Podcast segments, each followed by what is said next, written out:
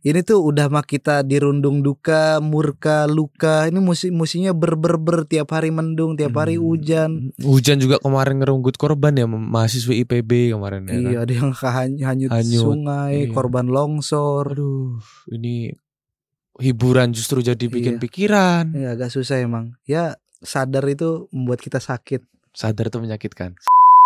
Sebenarnya itu gimmick buat dia ngabis-ngabisin waktu aja. Tapi yang menarik ketika dia apa namanya ketika Bang Patrick itu ngejelasin soal sustainability apa organisasi komunitas dia tuh bilang bahwa satu komunitas itu perlu ada tiga komponen yang itu penting. Yang pertama itu harus ada hacker, yang pertama hustler, yang ketiga itu hipster katanya.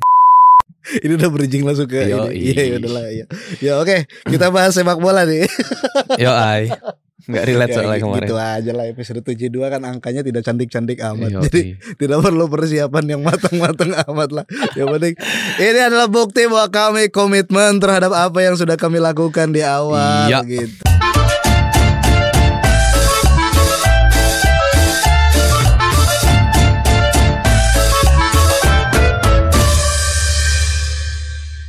Sebuah pencapaian akhirnya Oragol dihack IG-nya. Yo i. Sebuah achievement ya. Yo i. Yang nggak semua podcast mungkin pernah ngerasain ya. Mungkin Retrobus ya belum pernah ngerasain nih. Oke, Yo i. kita mulai aja. ya. Selamat datang kembali di podcast Sora Gol karena sepak bola bukan hanya tentang gol. Barengan saya Kelas Alvarezi. Dan saya Rehan Majid. Selamat datang di episode ke-72 teman-teman Yes. yang masih mau mendengarkan. Alright. Udah capek kayaknya ya kalau ada beberapa ya temanku yang dengerin terus enggak dengerin enggak. Tiba-tiba bahasa ini sih tiba-tiba bahasa ini gitu ya. Gimana podcast podcast gua? Bebas ya. iya. Ya kayak inilah. Idola kan di Jogja ini Mas Faris Tevi Yo i. dia punya tiga hal gitu kan. Untuk Berat, tiga tiga berat, hal berat, untuk berat, untuk berat. menyalurkan dirinya Egonya ya. yang pertama itu dia desain grafis untuk nyari uang, terus dia main ke seni rupa untuk menyalurkan egonya dan yang ketiga dia punya band untuk bersosialisasi kepada orang-orang. Ya namanya idola dan apa namanya cara dia hidup itu masuk akal, saya juga ngikutin gitu ya. Terinfluence ya. Mm, kerja di media online buat nyari uang Yoi. gitu terus bikin podcast katanya sih idealisme buat, buat nyalurin ego lah buat buat biar misuh tapi diupload gitu dan ya ada radio buku ini buat bertegur sapa gitu Bersosialisasi. bersosialisasi Nice one. episode ke 72 ini setidaknya membuat aku kalau refleksiku sampai ke 72 ini yang mem- apa ya membuat aku tuh membuktikan bahwa aku tuh bukan bukan bukanlah sesuatu yang aku benci gitu. Yo i. Jadi ya berusaha me- merealisasikan sesuatu yang yang benar-benar dipengenin dan benar-benar apa yang pengen disampaikan. Walaupun sampai saat ini belum benar-benar punya voter format yang tersistem Oke. dan juga mateng gitu ya ya belajar aja gitu belajar aja. Ya orang belajar gini-gini aja udah dihack IG-nya itu recent update yang pertama ya. Kasihan sekali. gimana Jadi kemarin aku lagi nyantai-nyantai tiba-tiba ada sebuah chat yang pop up di screenku ternyata itu dari Faris dan pesannya adalah Han IG Oragol ke hack pakai tanda seru. What the fuck? Apa yang terjadi? Jadi ya seperti dibilang Faris eh, IG Oragol per hari apa Faris berarti ya? hari Sabtu Per hari Sabtu sudah dihack. Jadi ternyata lebih lanjut kata Faris IG-nya diambil oleh orang, Mm-mm. kemudian username-nya diganti, Mm-mm. kemudian di, di- diaktif deaktif. Iya, akhirnya jadi nggak ketemu nggak ketemu. Jadi kalau eh, sekarang teman-teman nyari IG Oragol itu tulisannya user not found ya. iya user Berguna not found. ditemukan. ada Oragol India Waduh, tapi pakai ada D-nya gold Oragol. iya ternyata toko emas Waduh, itu kenapa nggak itu yang dihack ya? Soalnya kan India banyak scammernya ya. Enggak lah juga. Ya apa ya kaget aja gitu kok segitunya orang. Jadi, kronologinya adalah eh di minggu ini kan rame banget ya soal apa namanya soal tarik ulur STY Hmm. gitu terus eh orang-orang tuh pada ngelempar opini gitu STY out STY in. Nah kami itu ada di eh sisi di mana berusaha untuk tetap fokus gitu Mhm. bahwa perjuangan ki- kita supporter pecinta sepak bola Indonesia hari ini ya usut tuntas tragedi kepa- kanjuruhan Yes. malam pembunuhan massal itu. Iya. Jadi TGIPF itu udah bikin rekomendasi, PSSI suruh mundur gitu-gitu dan deh kita ngedukung tapi banyak mas- masih ada aja nih yang mecah gitu, masih ada yang mecah ya akhirnya kita gatel kan gitu. Ya pakai oragol lah buat ikutan nimbrung gitu. Ikutan nimbrung aja nggak bermaksud untuk perang. Kita siapa gitu kan Yoi. cuman mas-mas biasa dari Jogja gitu kan. nggak punya pengaruh juga sebagai supporter, cuma pengen ngomong aja. Tapi tiba-tiba Fafifu Fafifu saling berbalas komen, saling beradu apa ya? Bikin kalimat ya. Iya, Ya kita berusaha Beradu rima. Iya, beradu rima. Jadi tiba-tiba besok paginya hilang gitu kok kenapa gitu. Hmm. Ya teman-teman Garuda Revolution gimana? Apa kabarnya? Tapi untung Twitternya masih aman ya. Sejauh ini Twitternya Oragol masih Masih bisa aman. diakses, masih bisa Masih aman. dilihat. Walau padahal lebih aktif Twitter ya kalau bacot Mm-mm. mah ya.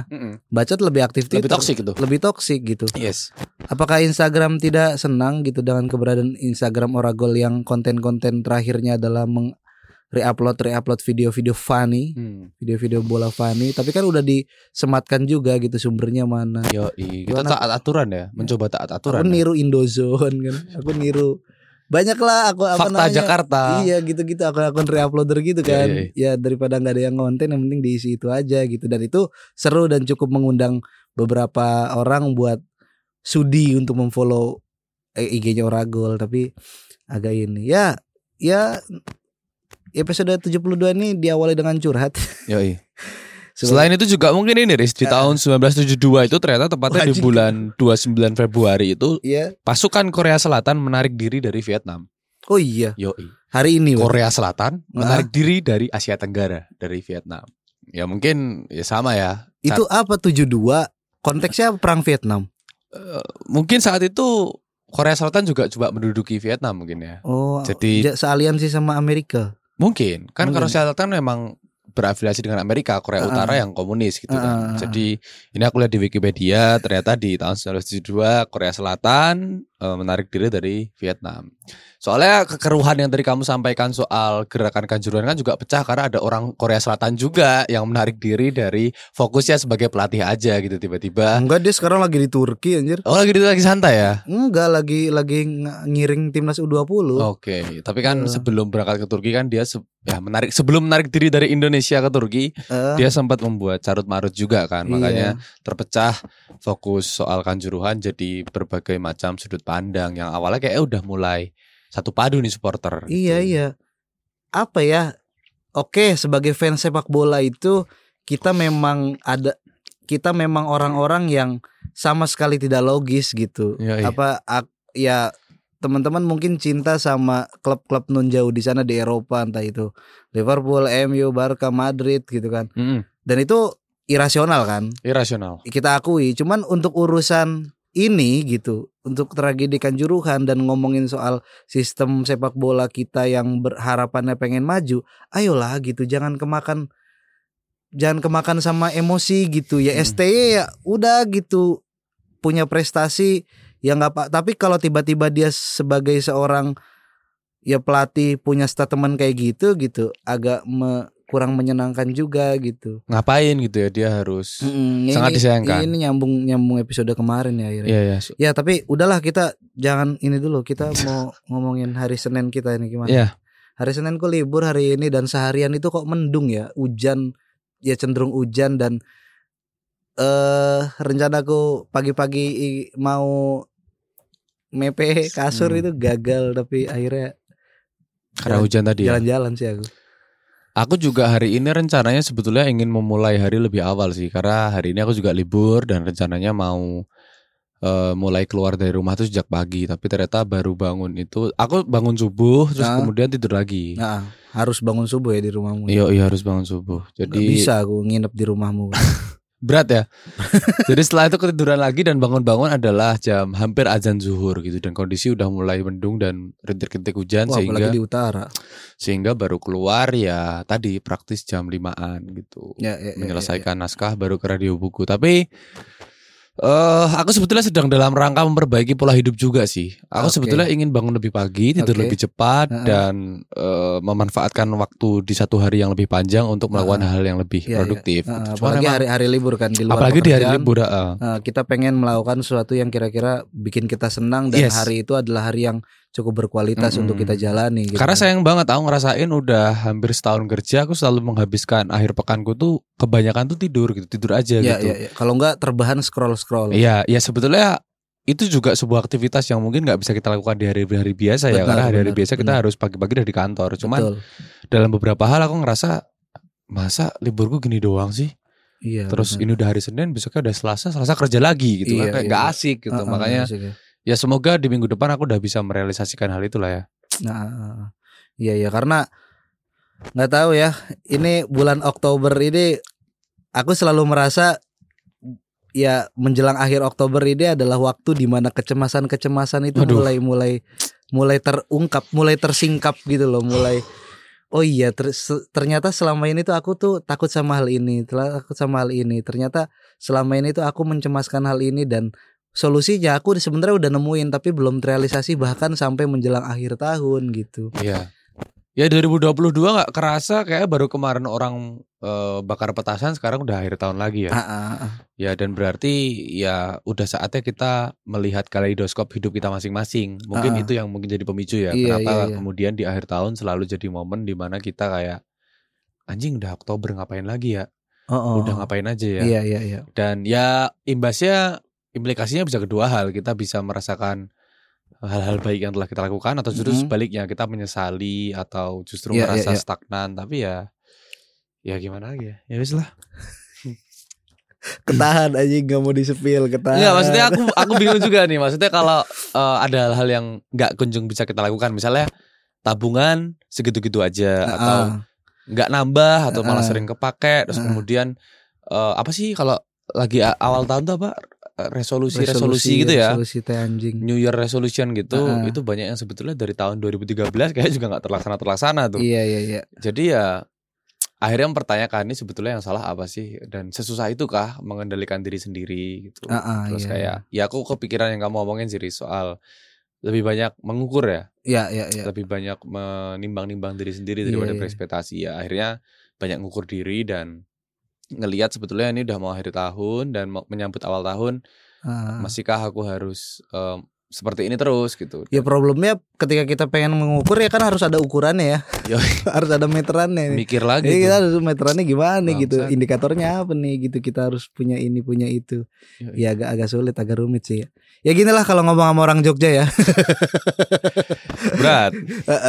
Jadi eh kemarin tuh di radio buku tuh kelas terakhir Han. Wah, gue nggak datang sih. iya, nggak bisa kemarin. Kelas terakhir, kelas pamungkas lah sebelum Hmm. teman-teman batch 8 itu masuk ke kelas penulisan esai gitu. Sebelum sorogan ya. Sebelum sebelum proses sorogan, sorogan Iya, di akhir kan mereka nulis apa segala macam lah. Eh kelas terakhir tuh diisi sama Mas Fairus sama tahu kan Mas Tahu, Fairus sama Bang Patrick. The only Patrick. Patrick Manurung. Ya, Patrick yang tidak bersahabat dengan SpongeBob pokoknya. Iya. Pas apa namanya Virus kan ngomong soal komunitas ini ini dijelasin pemetaan gitu. Kesimpulannya aku yang aku coba review itu bahwa Mas Virus tuh pengen ngomong kita bahwa kita tuh sebagai orang yang hidup di komunitas, di satu lembaga, di satu organisasi itu perlu punya strategi kebudayaan gitu. Kalau kamu nggak bisa bikin budaya baru gitu, nggak bisa bikin produk budaya baru gitu ya meramaikan berperan gitu dengan dengan apa yang sudah ada apa yang sudah mapan. Jangan kemudian merasa wah ternyata kubangan itu terlalu najis buat saya gitu. Sehingga ah, aku nggak mau ah ke sana gitu. Terlalu pilih-pilih dan Iya, akhirnya kita nggak Aku melakukan itu. melakukan apa-apa. Ya rame lah itu diskusinya. Dengan cair. Terus masuk ke materi sustainability. Sustainable. ya sustainable. Apa sih ininya ya manajemen aksi Keberlanjutan. Yoi. gitu-gitu ya ngomongin soal keberlanjutan tiba-tiba teman-teman tuh dikumpulin layaknya anak ya anak-anak sekolah Iya. berhadapan dengan guru yang killer gitu Gila, loh Oke. dia datang dia datang ngomong Patrick kan aku lagi capek nih bawaannya pengen marah-marah terus santai bang santai bang ada moke Moke dulu. Yoi. Enggak enggak sebenarnya. Enggak lah, itu aja. Apa dia nolak? Enggak, itu ntar abis ini aja deh, abis Habis kelas ini. abis kelas gitu. Terus pas dia masuk, halo teman-teman, ini udah, udah pada makan semua. Ya oke, yang ngerokok dihabisin rokoknya ya gitu. Nih kelasnya mau mulai, nggak ada yang boleh ngerokok, cuman saya yang ngerokok. Jadi sepanjang kelas itu dia ngerokok sendiri. Yo pas, cuy. Anjing kayak ini mafia anjing. Fasilitatornya nggak ngerokok juga. nggak ada aja Oh. gak ada yang berani di belakang semua. Terus ya udah tuh dia bikin kayak ini. Ya seru sih maksudnya seru buat diperhatiin ya. Ini duduknya yang bener dong duduknya ya. Duduknya baris gitu. Terus eh, yang luar Jawa sebelah sini ya. Yang luar Jawa mana yang luar Jawa? Ya sebelah duduk sebelah sini. Ngumpul sebelah sini. Yang Jawa yang Jawa sebelah sini. Wah jadi dipisah gitu kan. Uh. sebenarnya itu gimmick buat dia ngabis-ngabisin waktu aja. Tapi yang menarik ketika dia apa namanya ketika Bang Patrick itu ngejelasin soal sustainability apa organisasi komunitas dia tuh bilang bahwa satu komunitas itu perlu ada tiga komponen yang itu penting. Yang pertama itu harus ada hacker yang pertama hustler yang ketiga itu hipster katanya. Hacker, itu hustler, hipster, Oke. iya. yang si hacker itu adalah orang-orang kalau misalkan menganalogikan sebuah restoran dia tuh kokinya Oke. dia yang membuat ininya ya membuat lah kokinya terus si hacker eh si Hustler. si hustler dia tuh yang mampu menjual karya si hackernya gitu sementara hipster adalah kumpulan orang-orang soto yang Fafi, Fuas, Wesos punya gelora yang ber apa ya Menggebu-gebu. menggebu-gebu gitu kan dia dia dia pensuplai ide gitu Oh, pensuplai ide. Kataku wih menarik juga nih kakak terus akhirnya pembicaraannya ke sana gitu. Tipenya kayak gimana sih gitu gitu terus dia nunjuk ini tuh kamu tuh kayak hipster ya hustler. Langsung dijudge mental kayak gitu kan. Iya, Ditunjuk-tunjuk. gitu. iya kayak gitu. Harus ada itunya men gitu gitu ya, dan dan dan obrolannya seru tapi agak mendegangkan sih. Ya, aku kemarin sebetulnya nggak bisa datang karena memang ada urusan keluarga yang membuat aku nggak bisa datang ke sini. Tapi aku bisa membayangkan forum itu. Tapi ya yang disampaikan Mas atau Bang Patrick itu menarik ya soal mengelola komunitas ya. Karena ya mungkin nanti kita juga bisa bahas ya komunitas kan akhirnya erat dengan manajemen ya ngomongin soal Heeh. eh, hacker, hustler dan hipster kan ap- eh, semua itu sebetulnya bisa dikelola dengan manajemen yang baik ya. betul Tetap harus ada sistem. Heeh. Ya nanti mungkin bakal tersambung ngomongin komunitas dan manajemen nanti bakal banyak kita bahas soal beberapa klub yang sebetulnya perlu treatment manajemen yang baik. Yo, iya. ini udah bridging langsung ke Yoi. ini. Iya, ya udahlah ya. Ya oke, kita bahas sepak bola nih. Yo ai. Nggak relate Ya, soalnya gitu kemarin. aja lah episode 72 kan angkanya tidak cantik-cantik amat. Yo, Jadi tidak perlu persiapan yang matang-matang amat lah. Yang penting ini adalah bukti bahwa kami komitmen terhadap apa yang sudah kami lakukan di awal Iya. gitu. Betul. Konsisten. Betul. Ya, kita masuk ke pekan kemarin ternyata eh, sepak bola di Eropa sana terdapat pertandingan-pertandingan yang cukup menyenangkan Ya. untuk ditonton Yes. bagi fans netral. Tapi tidak sama sekali tidak menyenangkan bagi mereka yang terkapar berhasil kalah oleh rivalnya. Yo, yang iya. pertama ada ya yang yang ini, ini dulu nih, ada Man United yang kembali terseok-seok ditahan oleh NUFC Yo, ih. dengan jersey putih hijau, hijau-hijau bendera semakin eh, NUFC. semakin identik dengan Iya. NU ya. kosong-kosong ya agak sulit ya Hmm. kemarin sebelumnya lawan Omonia baru bisa ngegolin ketika menit, terakhir. 93 setelah eh, mas-mas bernama McNominay itu masuk Hmm. gitu dan, dan sekarang tidak berhasil mencetak gol Rehan Ya, ini jadi apa ya gambaran jelas bahwasanya salah satu problem mendasar di awal-awal era kepelatihan Ten Hag adalah soal klinis atau tidaknya seorang striker di depan gawang ya. efektivitas Efektivitas. Jadi pertandingan kemarin itu sebetulnya dibuka dengan pemberian penghargaan dari Sir Alex Ferguson. Dia Mhm. mewakili Manchester United untuk memberikan eh, penghargaan kepada pertama David De Gea yang mana sudah mencatatkan 500 pertandingan bersama Manchester United. oke oke. Selain itu dia juga memberikan penghargaan untuk Cristiano Ronaldo yang telah mencetak 700 gol Ya. di level klub di semua klub yang telah dia bela. Mm-mm. Tapi meski dibuka dengan hal-hal manis, kita melihat reuni antara Ronaldo dan father of footballnya. gokil Tapi United justru bermain imbang 0-0 melawan tim OKB, ya kan? ya ya Newcastle United. Eh, ya analisis singkatnya sebetulnya banyak yang berpendapat bahwa wasit yang memimpin laga tersebut berpihak kepada Newcastle. Mm-mm. Namun ya kalah ya kalah aja. Selain memang Newcastle bermain dengan cukup baik, United memang kesulitan menyelesaikan peluang di sepertiga akhir pertahanan The Tun. Mm-mm. Kita bisa lihat problem ini sejak pertandingan melawan Omonia. Waktu away, United harus bersusah payah menang 3-2 dan di home dia hanya menang 1-0 dan tadi seperti Faris bilang ya itu baru tercipta di menit akhir lewat golnya Scott McTominay. Kemudian terakhir ada unpopular opinion yang menarik nih yang kemudian bersel- berseliweran di Twitter. Bunyinya kurang lebih begini. MU nggak memiliki owner yang cukup peduli dengan klub, baik secara kebijakan transfer hingga kemampuannya menanggulangi ulah klub kaya raya yang bisa melakukan apa pun, bahkan di kandangmu sendiri.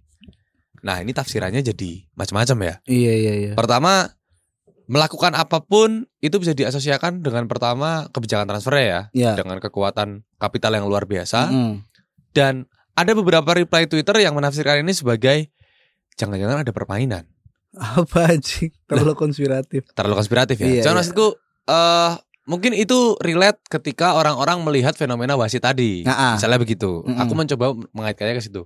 Walaupun tidak berusaha mencari pembenaran, aku aku menarik untuk menggali ini. Ah, ah. Kekuatan sebuah klub yang super kaya raya Ya. dan kekaya rayaan itu arus kapital yang besar itu bermuara pada klub ini bisa melakukan hal-hal yang mungkin orang nggak bisa bayangkan Bisa akrobat ya. bisa akrobat bisa melakukan hal-hal Hmm. yang orang "Wih, emang bisa ya gitu jadi Iya, iya, iya, ini iya. menarik Ah, ah, tapi ya seperti kau bilang sifatnya konspiratif tapi apa pun itu nanti bakal nyambung di update yang kedua soal Liverpool dan Manchester City Iya nih ada pertandingan adu taktik.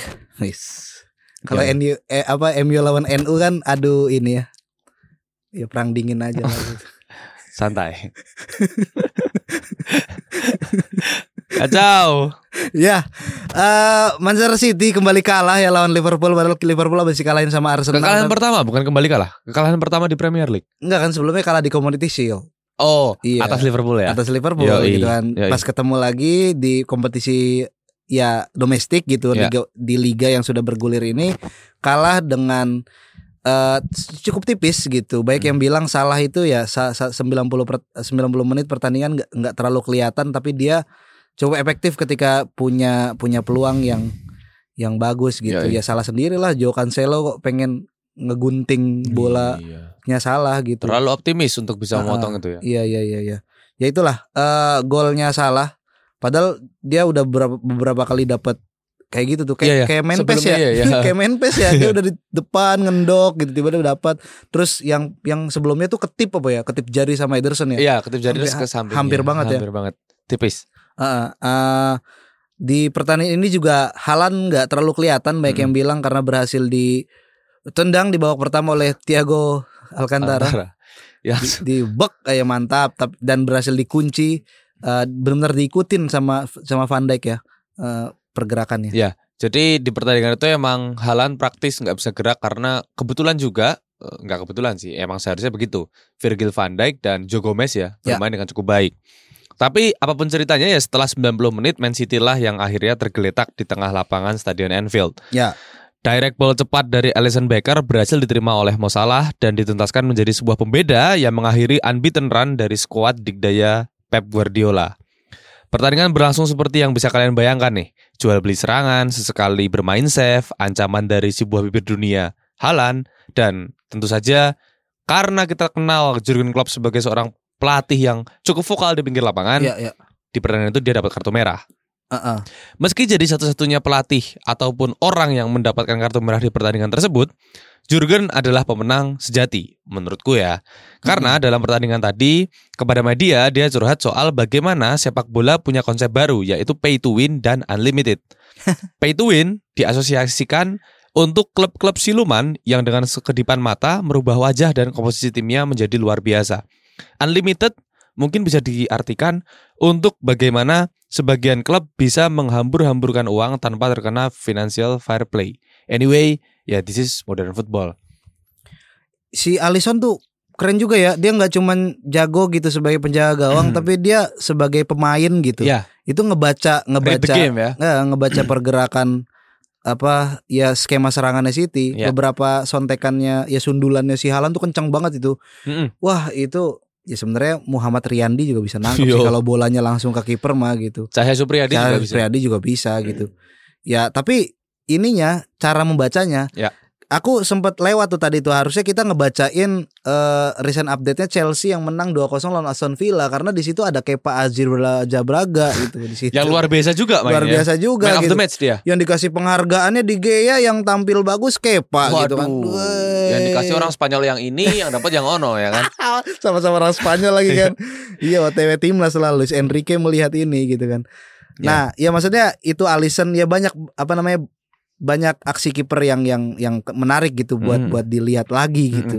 Pertandingan apa di pertandingan kemarin. Ya, dan itu juga memperlihatkan bahwasanya ternyata sekarang kiper punya fungsi yang lebih eh, banyak ya daripada hanya sekedar ngendok di garis Betul. eh, penalti kotak penalti Betul. dan menghalau bola gitu. Iya, Tapi iya. dia harus cepat ketika dia melakukan blok atau melakukan save Heeh. dan musuh da- sedang dalam kondisi attack Heeh. dan perlu se- sepersekian detik untuk melakukan transisi Ya. dan dia harus segera Heeh. mengasih bola ke orang yang tepat gitu. Berarti kiper bukan lagi posisi yang sepi ya. Ya. bukan lagi Kalau kata Generis kan kiper adalah posisi, yang, sepi. sepi, yoi. Posisi dia dia dia apa akrab dengan kesunyian. Akrab dengan kesunyian. Enggak, dia seka, ya kiper modern Ya. hari ini ya dia ya mungkin sepi tapi dia ramai dengan pikirannya sendiri mau ke mana nih arah bola Filsuf gitu. dia. mau ke mana nih arah bola gitu kan oh ke sini gitu kan iya iya, Ya iya. beberapa pelatih bilang ya kiper sekarang harus punya kemampuan kontrol yang nggak kalah sama outfit player yang lain Betul, gitu betul, dan betul. punya kemampuan eh, passing-passing atau bola-bola jauh yang Mm-mm. juga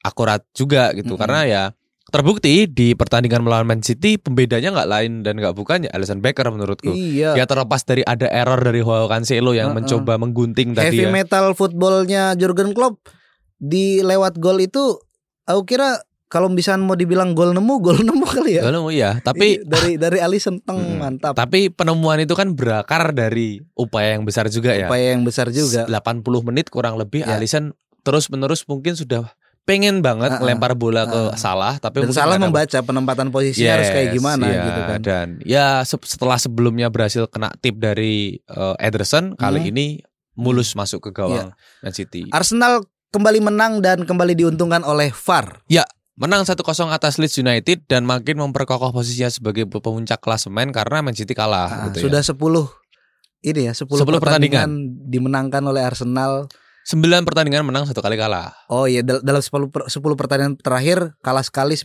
menang ya. ya satu Ah, kali dan kalahnya dalam sama 5 musim terakhir menurut box to box. Box to box kalau regista tuh. Hmm. Ya soalnya logonya sama sih sama-sama burem san.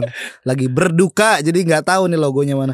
Nah, itu katanya di empat musim terakhir itu klub yang me- menorehkan ya kemenangan 9 ya 10 pertandingan pertamanya itu bakal juara. Ush. Apakah Arsenal akan turun di bulan Februari kan kita nggak tahu.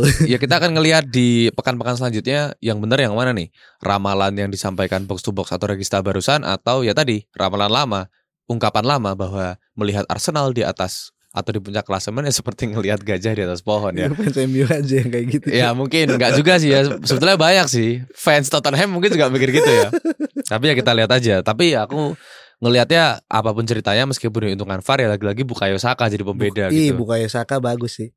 Cuman Yoi. kayaknya itu gol yang nggak bisa diulangin lagi. nggak bisa diulangin lagi Iya, soalnya sudutnya sempit Iya. banget. Dia udah apa XG-nya kayaknya kecil itu untuk XG-nya untuk, kecil, untuk mencetak ya. gol semacam itu gitu. ya Tapi kalau memang apa namanya kelas Bukayo Saka bakal mengulangi gol yang semacam itu. Soalnya di FM tuh Bukayo Saka bagus coy. oh di FM bagus ya Iya, di musim 2003 2000 2023 2024 dia pindah ke Madrid. Hush. Kalau di FM ku ya. Yoi. Tiba anjing tiba-tiba Madrid beli Yuri Tillmans dari Le- apa dari Leicester. Leicester. terus beli Bukayo Saka, beli Makukurela Madrid. kulaan permain dari Premier League ya. Yoi gitu. Ih, dan dia di musim itu itu dia menang apa masuk nominasi Ballon d'Or.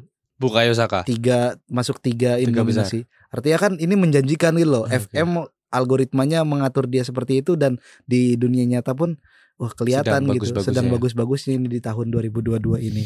Ya itu di Inggris ya. Kalau kita masuk ke Spanyol ada pertandingan El Clasico Jilid 1 antara Real Madrid dan Barcelona di kandangnya Madrid dan Real Madrid berhasil menginjak-injak Barcelona yang katanya punya permainan bagus. Aduh, Build up jadi bagus tapi ya ya efektif banget Hmm. Real Madrid tuh ya mungkin karena tim ini udah lama banget main ya lama banget ba- apa lama kalau pembelaan ke sebagai cooler ini tim yang udah kompak banget nih Oke, udah jadi. ya? melawan tim yang sedalam apa pun skuadnya. Tapi kan ini baru dibentuk ya? nih. Oke. Ini baru dibangun nih. Kayak MU lah. Secara komunitas belum solid. Uh. Hacker hustler Hacker, sama ya? hipsternya belum ada nih gitu. Masih Jadi jaim semua. masih jaim semua Yoi. gitu.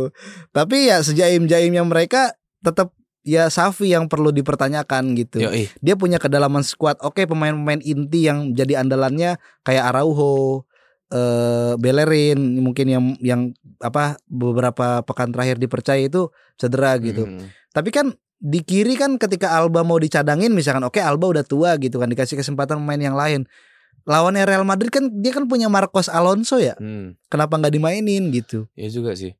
Terus apa kemampuan Busquets yang udah menurun nggak di nggak disikapi gitu Ya, loh. ya. Ketika melawan Real Madrid kenapa nggak konkret aja mainin Hmm. Casey sama Frankie De Jong yang Langsung ya. yang yang jelas-jelas dia ya konsisten Hmm. gitu secara permainan gitu malah Busquets gitu terus Ya. Sergi Roberto kalau kata coach Justin ini Sergi Roberto tuh kalau main di Stock City dia jadi jadi cadangan Di Stock City. iya jangankan main di Barcelona gitu kalau apa Sergi Roberto main di Stock City jadi cadangan itu kok masih dimainin jadi starter lagi iya. sama Safi kan aneh gitu Hmm, Oke. kenapa wah gokil lah Ya ini menarik ya soalnya El Clasico edisi terbaru semalam itu nggak hanya mempertemukan dua klub yang berseteru sejak lama, tapi Mm. emang mempertemukan dua klub yang sama-sama bercokol di peringkat pertama La Liga dengan poin yang sama. Ya. Semua orang boleh jadi kesulitan untuk menebak selain konsistensi di li- liganya ya. Madrid makin matang dengan deretan pemain mudanya nih kayak Vini, Oh, oh. Rodrigo, wah anjir Sama dan Fede Valverde gitu ya. Tocomeni bagus banget coy Bagus banget Tchouaméni Ah, ah. juga. Eh, sementara di Barca kita bisa lihat eh, sejak eh, pramusim kemarin klub lebih mencolok di bursa transfer dibanding klub yang lainnya. iya Digadang-gadang bangkrut dan selesai, Barcelona justru memperkenalkan kepada dunia kekuatan tuas ekonomi nih. Mendatangkan Lewandowski, Jules Konde, Frank Kessie, dan pemain lainnya Mm-mm. mendarat dengan Oh mulus iya di Christensen juga cedera betul. Christensen juga cedera. Ya mereka semua mendarat dengan mulus di Spotify Camp Nou. Ini namanya disesuaikan dengan kebijakan tuas ekonomi ya. Harapan melambung di Katalan. Skuad emas Guardiola kegeser nih eh, pemikiran dari para orang-orang Katalan. Dia berpindah mikirin soal skuad baru punya Safi. Tapi sampai pekan ke-9 La Liga dan sekian pekan di Liga Champions, gimana Barcelona ya? Ini menarik karena ya aku juga ngelihat sih eh mungkin kalau dibilang hustler, hacker dan hipsternya belum ketemu barangkali benar. Karena di di Twitter juga berseliweran orang-orang yang mulai membicarakan Safi ini kayaknya over proud sama La Masia. Ya. Nanti kamu bisa tanggepin turis. Eh, jadi Safi ini dipandang sebagai pelatih yang lebih menyukai pemain-pemain berpaspor Spanyol itu pertama dan kedua over Spesifiknya Katalunya gitu. dan over proudnya spesifiknya ke Catalunya Oh, lulusan kayak Masia. Bandung harus ada orang Bandungnya gitu. Makanya nggak heran ketika pemain seperti Sergio Roberto yang kata Coach Justin bakal jadi cadangan di Stock City masih starting gitu. iya. Tapi ya itu gimana sih menurutmu, Riz? Ngelihat yang kayak begitu-gitu tuh? Ya menurutku Safi nggak fair aja sih gitu. Kalau kalau ngelihat pemain udah jelek ya udahlah gitu. Jelek Kasih, aja. kasih kesempatan kayak dia tuh cuman punya 11 doang pemainnya padahal kan dia toh perekrutan pemain atas permintaan dia sendiri. Masa Ya, ya. dia nggak punya plan A, plan B, plan C gitu kan untuk menyelesaikan situasi, untuk menanggapi situasi ketika dia eh tertinggal secara skor dan juga tertinggal secara permainan gitu Oke. kan. Ya, aku nonton 90 menit dan dibully sama Jaza.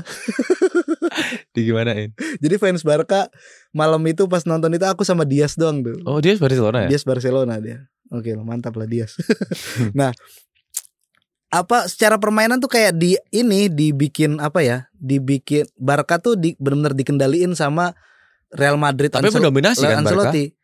Men- Madrid kan gitu kan. Madrid Oh, iya, iya, membiarkan iya. tim lawannya Iya, iya. mendominasi kemudian dia bereaksi atas Iya, iya. atas apa yang Dominasi mesa- tersebut. Eh, reaktif football dan sangat efektif gitu. Oke. Jadi wah aku tuh kayaknya si Dias tuh Barkanya mantap juga tuh. Hmm. Dia udah ngelihat skema tuh. Dia nggak ngelihat bola nonton bola tuh, ngelihat pemain gitu kan. Tuh liatin Mas katanya tuh. Tuh Madrid tuh nyele, apa nyediain lobang tuh. Itu jebakan itu lihat ini. Nih satu dua dia ngoper ke samping kena kena kena beneran gokil. Oke. Pandit kita bro. Serem ya. Gokil. Aku gini.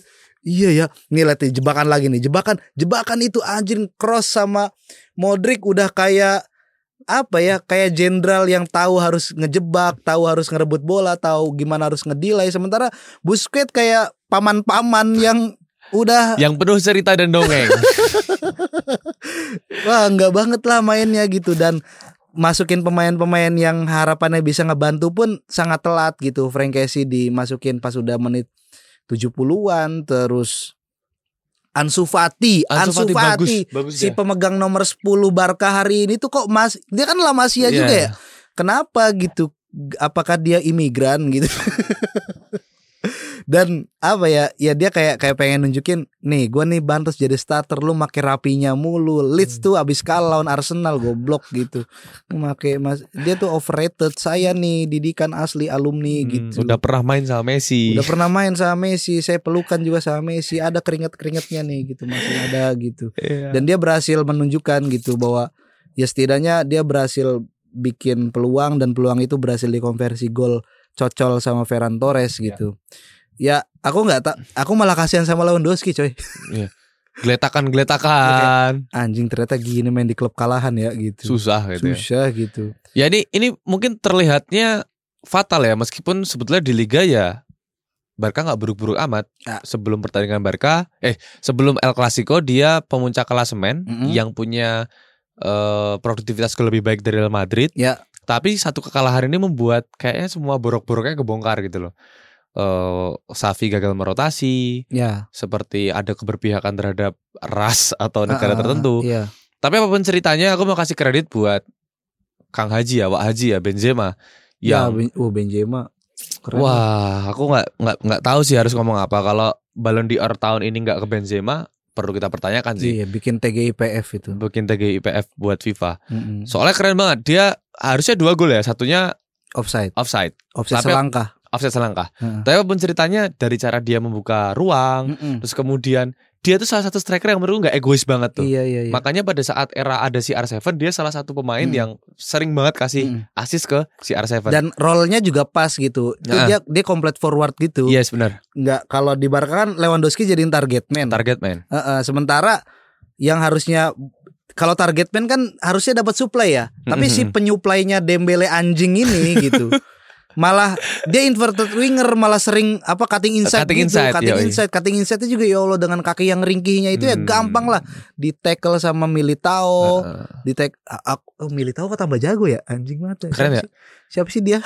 Dan kalau semisalnya winger eh, cutting inside tuh biasanya tuh target man tuh otomatis dia pasti kan masuk ke ruang yang dia tinggalkan sama wingernya iya, kan. iya, iya, iya. Dan yang ngebuat Dembele yang mungkin mikirnya mau ngasih ke Lewandowski, Lewandowski udah otomatis buka ruang Iya, gitu iya, dan iya. ruang itu pasti Nah, udah back habis. back apa namanya ketika Dembele cutting inside itu back langsung buru-buru maju Iya. biar apa namanya ya jebakan offset gitu Hmm. biar biar si Lewandowski itu nggak maju dan dan akhirnya Ya, dia kejebak kejebak offset yes, gitu. Wah, betul susah sekali. banget gitu.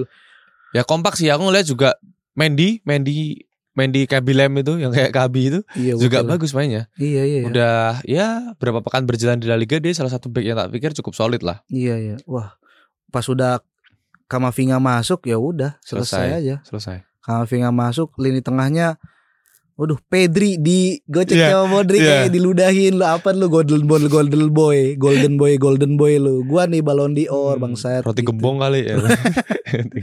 ya gitulah lanjut nih ya, Ya. tapi ya kita balas di KMU lah intinya Oke. gitu Di aja. Spotify Cameo. Spotify KMU dan ada yang bilang mitosnya sih ini gara-gara si Dark si Dark ya siapa sih namanya Drake. Drake Hmm. sorry sorry sorry saya taunya musisi Indonesia Drake itu ngedukung Barca gitu dan Ngebet ya judi Uh, uh, ya. ngebet lagi dia main parlay Iya anjing. main pasaran murah bangsat nah si si Pasaran murah. si Drake ini selain apa ya selain dipakai apa namanya logo lagunya si Drake ini Logo album dipakai eh iya ya. eh, logo albumnya itu dipakai di jersey-nya Barca dia juga ngedukung ngedukung si Barcelona Hmm. dan mitosnya adalah setiap klub yang benar. didukung sama Drake itu selalu kalah Iya. gitu makanya ada ada namanya kutukan Drake, gitu. Drakers. ya Iya. agak susah sih kalau musisi terkenal tapi terkenalnya lewat meme Gini ya. yoi Iya. nah gitu kan Tapi dia dukung Arsenal tapi Arsenalnya menang ya? Tapi kan dia nggak judi masang parlay buat Arsenal kan? Masang, Oh masang juga. masang. Dia masang dua tim, Oh gitu. Barca sama Arsenal. Wah bangsat emang. Jadi nggak rugi-rugi banget lah. Iya, nggak ada yang nggak ada yang kalah bagi penjudi bandar mah. iya. Ya kemudian juga update selanjutnya mungkin ya. Ini ada kita mungkin ngomongin soal PSSI lagi nih Riz ya. Ah, iya iya. Lanjut aja udah. Emang ini mah ming, apa bulan-bulan PSSI Ya. Dan kita bisa ngelihat eh ya situasinya semakin sporadis. Ada beberapa hal konyol yang juga terjadi sepanjang penelusuran tim TGIPF dan ya kita sampai hari ini masih dibuat terombang-ambing dengan kabar-kabar yang kita nggak tahu kebenarannya. Jadi setelah kejadian di awal Oktober kemarin, ini udah menyentuh banyak rumah nih. Setelah pemerintah banyak mengambil alih kerja PSSI untuk mendiplomasi sanksi yang mungkin menerpa Indonesia dari FIFA, Mm-mm. kini kepolisian juga sedang ditelanjangi nih sama pemerintah. Gokil memang. Yoi. Jadi kasus Sambo kan belum kelar nih. Ini polisi udah bu- bu- bikin ulah lagi dengan membunuh banyak orang di Malang, tepatnya di Kanjuruhan. Ya. Kemudian tanpa ajudan, tanpa topi, dan tanpa tongkat komando, hanya pulpen dan buku catatan, Jokowi memanggil Kapolda dan Kapolres se-Indonesia ke istana. Mungkin skenario awalnya tak seperti ini ya, makanya Jokowi harus segera memperingatkan nih. Kemudian hasilnya Teddy Minahasa, Kapolda Jawa Timur yang baru seumur jagung dilantik, dicopot. Mungkin ini terkait dengan kasus kanjuruhan, tapi terbaru dia juga terindikasi terikat pada jaringan peredaran narkoba. Iya, jadi dia ngeri apa namanya nyita narkoba gitu, terus narkobanya dijual, Dijual lagi. lagi. Kenapa? Ya ampun. Ya make sense akhirnya kejadian di Kanjuruhan polisinya kayak orang mabok kayak orang teler semua kapoldanya juga gitu gitu loh. ya waduh jadi memang ini akhirnya mulai kebongkar ya. Eh, ya ini sebuah kebobrokan struktural. Ya sementara itu juga TGIPF menegaskan bahwa ketua dan anggota eksekutif PSSI harus segera mundur sebagai bentuk tanggung jawab moral setelah selalu gagal bertanggung jawab atas segala kelalaian dan kematian yang terjadi di Liga Nasional. Nah, Mereka sepatutnya mundur. Kabar dari STY yang sempat ingin mundur bersama Iwan Bule ini juga katanya dipengaruhi oleh pihak ketiga. Yang membuat STY berstatement demikian. budaya timur tai anjing timur Iya. Luhurnya apa. budaya timur. Kayaknya udah nggak relate lagi nih. Soalnya Dia hadir ya, Ge, apa di ini di kan update terbaru Qatar kan diumumin jadi tuan rumah Rumah Piala Asia, 2023. yes. Ah, Terus Mm. itu kayak dihadiri sama banyak federasi-federasi yang ikut jadi peserta Piala Asia dan ada Iwan Bule salaman sama ada. Giantino Infantini. Emang sama-sama problematik tuh. Sok keren. Karena Iwan Bule ini harusnya mikir dia juga habis membuat statement yang menurutku nggak kalah konyol nih. Setelah menyampaikan bahwa liga akan bergulir kembali pada bulan November, hal itu langsung ditampik oleh TGIPF dan pemerintah. Menurut TGIPF dan pemerintah, sebelum ada perubahan signifikan atas kompetisi di negeri ini, kompetisi tak akan lagi bergulir. Logikanya, apakah kita semua selaku penikmat sepak bola Indonesia siap harus kembali berada dalam sistem yang dibuat oleh orang-orang yang sama yang mengakibatkan ratusan nyawa melayang? Saya kira enggak. Iya, aduh gimana ya kalau liga mulai lagi mah sama aja bohong gitu. Iya. Ya karena ketika situasinya masih seperti ini, ya Mm-mm. forever no justice no peace, fuck the police, fuck PSSI ya susah gitu.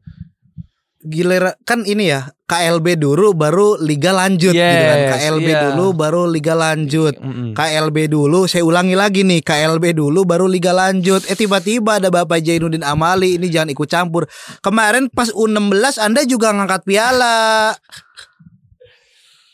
Heh. Aduh, kenceng banget ini di rekaman.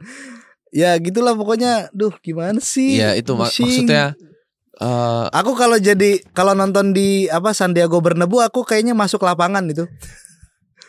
nggak apa-apa, nggak nggak inilah Polre, Polresta Madrid. Madrid mah nggak ada air- gas air mata lah. Yoi, makanya itu perlu kita pertanyakan tuh kompetensi dan awareness Federasi Sepak Bola Nasional ini melihat situasi kayak gini gimana gitu loh buru-buru mengumumkan liga harus segera bergulir Iya, ngejar apa sih Udah rugi banyak kayaknya. iya maksudnya ini serius nih federasi mau menjerat seluruh pecinta sepak bola ke sistem yang masih bobrok ini Mm-mm. yang masih mengakibatkan orang meninggal Mm-mm. Federasi mau lihat lagi kasus orang meninggal gara-gara sepak bola. Dia oh, berangkat tahu tapi nggak bisa skemanya. Dia tuh nggak mau keduluan sama supporter-supporter Indonesia yang yang apa namanya yang solid gitu. Jadi mumpung masih tercerai berai nih, Hmm, langsung nih kita mulai Oh, lagi. belum benar-benar bener ini belum benar-benar solid gitu kan eh, perdamaiannya apanya. Jadi buru-buru di ini. Jadi kan akhirnya gampang nih mau nonton apa enggak gitu. Satu sisi ada satu kelompok kosong kan stadion itu sepak bola tadi. Tapi kan ada yang tetap pengen Hmm, nonton. tetep. Karena ya gimana sepak bola kan hiburan kita. Kita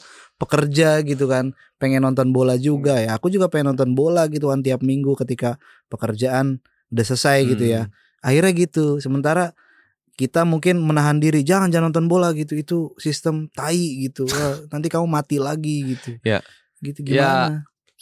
Ya, ah ini susah sih karena emang eh menurutku PSSI ya nggak nggak etis gitu di situasi yang beberapa makam korban kemarin belum kering sudah buru-buru ngobrolin soal belum kompetisi- selesai pertanyaan malaikat mungkar nakir itu masih ini masih soalnya masih oke ya part 2 listening anjing in kayak part 1 kayak tufel aja. ya tapi apa pun ceritanya ya itu itu sangat gak etis keluar dari mulut PSSI untuk segera menyelenggarakan eh, liga ya karena Iya. ya belum selesai dan rekomendasi FIFA tak pikir udah jelas. Oke lah kalau kita mau syukuri nih, misalnya Nah. mau syukuri. Oke kita syukuri kita nggak dapet sanksi dari FIFA. ya Tapi rekomendasinya jalanin dong. betul Yang paling mendasar apa? Ya stadion harus punya sistem keamanan dan mitigasi yang baik minimal itu. iya iya iya, iya. Dan terlebih lagi di kepolisian nih. Heeh. Sampai kapan nih polisi sama tentara mau masuk? Masuk pun bukannya fokus ke supporter, dia Mm-mm. nonton bola juga gitu loh iya, iya masalahnya. iya iya iya iya Jadi dia mikirnya dapat tribun VVVVVIP gitu, bener-bener Iya. di pinggir lapangan. kerja sambil nonton bola gitu Nah. waduh waduh wah Buat kamu yang masih kerja di depan laptop, lihat nih kerjaku di pinggir lapangan nonton siapa Gokil, gitu kan. iya, TXT dari berseragam gitu. ya tapi apa pun ceritanya itu aduh, kacau sih. The fuck PSSI ini mau gimana nih? Iya iya wah. Ya Waduh, ini kalau kejadiannya musim panas enak sih ya. Maksudnya masih eh, ada panas-panasnya. Ini tuh udah mah kita dirundung duka, murka, luka. Ini musim musimnya ber ber ber tiap hari mendung, tiap hari Hmm. hujan. Hujan juga kemarin ngerunggut korban ya mahasiswa IPB kemarin ya. kan? Iya, ada yang hanyut, Hanyut, sungai, iya. korban longsor. Aduh, ini hiburan justru jadi bikin Iya. pikiran. Ya agak susah emang. Ya sadar itu membuat kita sakit. Sadar itu menyakitkan. Sadar itu menyakitkan. Sampai jumpa di episode selanjutnya teman-teman. Bye bye. Bye. Bye.